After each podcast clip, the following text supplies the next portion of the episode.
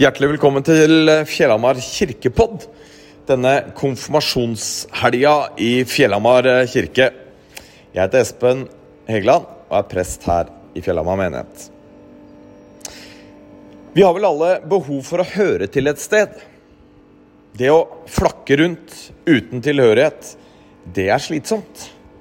De fleste av oss har et behov for å komme hjem. Forhåpentligvis er det ord som klinger godt. Det å komme hjem. Skjønt, kanskje så kan det veksle litt opp gjennom livet. Kanskje oppleves det forskjellig fra aldersepoke til aldersepoke i livet. Eh, hvordan det liksom klinger på innsida av disse ordene 'komme hjem'. Men jeg håper at det, at det klinger godt hos deg, det å komme hjem. Trygve Skau han skriver det veldig enkelt, men veldig fint. Jeg har vært på vei hjem helt siden jeg dro. Sjøl hadde jeg gleden av å ha en vielse for noen uker siden i det vi må kunne kalle, i hvert fall jeg tør å kalle det, Norges flotteste, vakreste bygd. Nemlig Hægeland. Denne flotte bygda litt nord for eh, Kristiansand.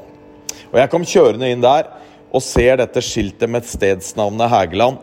Eh, og da er det på en måte som om jeg kommer hjem, altså. Jeg opplever en sånn umiddelbar tilhørighet. Det er en connection. Det er noe som klikker på plass, på en måte. Bygda mi. Skjønt, jeg har jo aldri bodd der sjøl. Det er stedet pappa kom fra. Og jeg har jo en tilhørighet til det stedet, men jeg syns det er litt snodig at det så til de grader oppleves eh, som å komme hjem, når jeg ikke har bodd der sjøl. På Konflær så eh, snakka vi eh, konfirmantene om eh, noe vi kalte for ropet inni oss. Ropet inni oss. Og vi snakka om at når vi er kanskje i vår ytterste nød, når det er ordentlig krise Vi brukte eksempelet med å ha gått seg bort der ute i skauen, i marka. Det er vått, det er kaldt, det er surt. Du er så sulten, du er så sliten. Og du aner ikke hvor du er hen. Og du veit i hvert fall én ting sikkert, og det er at du finner aldri hjem igjen herfra. Da er det mange av oss som opplever at alt inni oss roper 'hjelp'. Kanskje ikke på den måten at det kommer ut av kroppen så noen kan høre det, men alt inni deg roper bare 'hjelp'.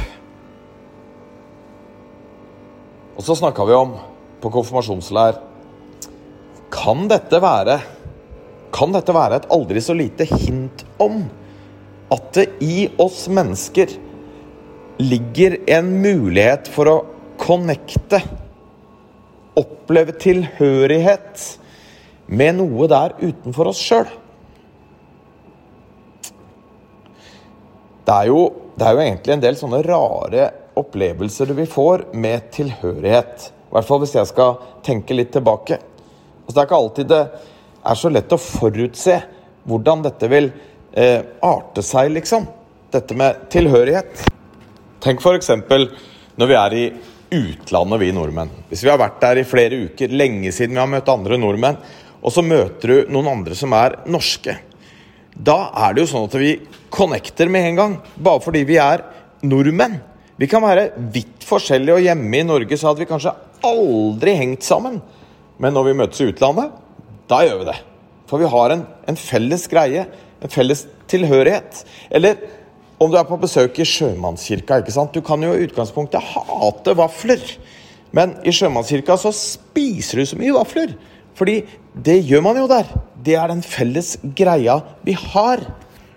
Det er merkelig, det her med tilhørighet. Kanskje er det sånn at vi kan velge hvor vi vil ha vår tilhørighet hen. Altså på en måte shoppe det her og der og på en måte sette sammen vår egen tilhørighet. Sånn helt fritt. Litt sånn som når unga, når de er omtrent på førsteklassestadiet og skal velge seg fritidsaktiviteter, gjør. De shopper jo rundt og prøver håndball og fotball og tennis og innebandy og korps og speideren, før mange til slutt slår seg til ro med at det er kanin agility eh, man skal drive med. Kanskje er det sånn at vi har en tilhørighet til et sted, til noen noe som ligger der liksom nærmest som noe sånn latent inni oss. og plutselig så oppdager vi det. Kanskje gjelder dette spesielt i tenåra, egentlig. Kanskje er det sånn at vi da opplever særlig et behov for selvstendighet. Noe som kanskje betyr det å ta avstand fra. Ta avstand fra de gamle mamma og pappa. Bli oss sjøl. Samtidig, hvis vi skal være ærlige med oss sjøl, så opplever vi et stort behov for tilhørighet i tenåra. Tilhørighet eh, som kanskje aller mest dreier seg om aksept. Det å være akseptert.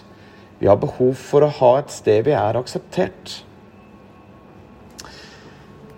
Teksten som vi har brukt i dag som prekentekst på denne konfirmasjonsgudstjenesten, er teksten om den bortkomne sønnen. Vi kan høre teksten i Lukas evangeliet og lese den der, men kort gjenfortalt så er det jo en far som har to sønner. Og de har det ganske bra der de bor hjemme på gården. Ikke noe å sette fingeren på, egentlig. Men eh, den ene sønnen blir lei. Opplever dette behovet for selvstendighet og stikker av. Det vil si, han får med seg faren sin på at han skal få sin del av arven nå. En masse penger, tydeligvis. For han drar ut i verden og setter alt over styr. Kanskje i en søken etter aksept. Kanskje i en søken etter å finne tilhørighet der ute et sted. Men hva skjer? Jo, han vender tilbake til gården igjen. Tilbake til faren. Fordi han ikke fant det der ute. Et behov for selvstendighet. Ja. Men så absolutt også et behov for tilhørighet og aksept. Jeg har vært på vei hjem helt siden jeg dro. Jeg lurer på, Går det an å tro at vi mennesker er skapt av Gud? At livet med Gud er det som kalles hjemme? Går det an å tro at livet med Gud er det som gir den ultimate tilhørighet og aksept? Det er jo litt sjukt, men jeg tror det. Jeg tror det går. Jeg tror det er sånn. I så fall så gir det jo mening om ropet inni oss i vår ytterste nød er kanskje et rop til Gud. Det vi hører inni oss eh, når vi ikke veit annen råd. At det er et rop til Gud. Og da tenker jeg Det hadde jo vært mer nyttig. Det hadde jo vært hakket bedre, for å si det litt enkelt, om vi hadde visst hvem vi ropte til. I hvert fall om målet vårt er å komme hjem. Denne bortkomne sønnen i fortellingen, han eh, visste hvor hans tilhørighet var. Han var nok redd. Vi kan lese om det. Han var nok litt urolig. Hva vil pappa si når jeg kommer hjem og driter meg ut på den måten her? Men jeg tror at innerst inne så visste han hvordan faren var. Og Jeg liker å se for meg en sånn moderne gård med en sånn allé oppover mot inngangen, med bjørketrær på hver side. Og jeg liker å se for meg faren der i vinduet, det største vinduet, det med best utsikt. For han står dag ut, dag inn og, og bare skuer etter sønnen sin. Kommer han i dag? Kommer han i dag? Nei. Men hver dag står han der. Og denne bortkomne sønnen Jeg tror han veit noe om det. At sånn er pappa. Og når da dette ropet inni han, i hans ytterste nød, bare kommer 'hjelp', så veit han hvor hjemme er hen. Han veit på en måte hvem han roper til. I konfirmasjonstida så har vi lært at det går an å bli kjent med Gud. Ja, Gud er stor. Gud er mektig. Gud er noe større utenfor oss selv, men Gud er også nær. Gud er den som kaller seg vår pappa, vår mamma om du vil, vår venn.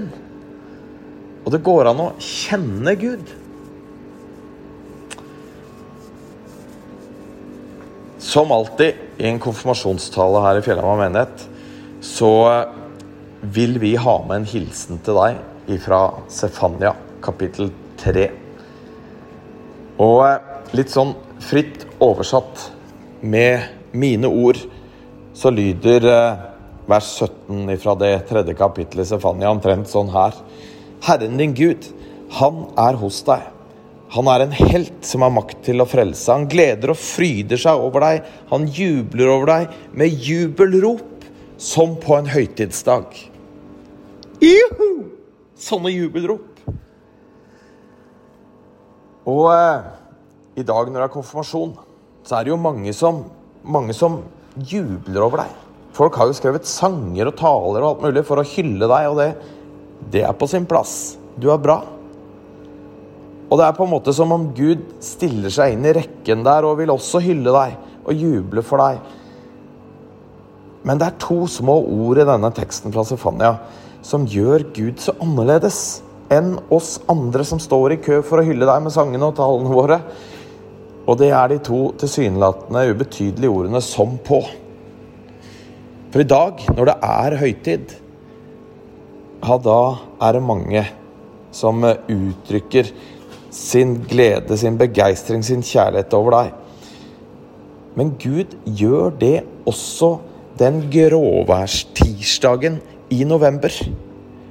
Når alt er dritt. Ingen har skrevet sanger, ingen har skrevet taler til deg. Da, som på en høytidsdag, jubler Gud over deg. Og det er den pappaen som den bortkomne sønnen kom hjem til. Det er den pappaen som vi finner. Om vi ønsker at Gud skal være vårt hjem, så er det den pappaen vi finner der hjemme. Så kjære konfirmant, og kjære dere andre òg.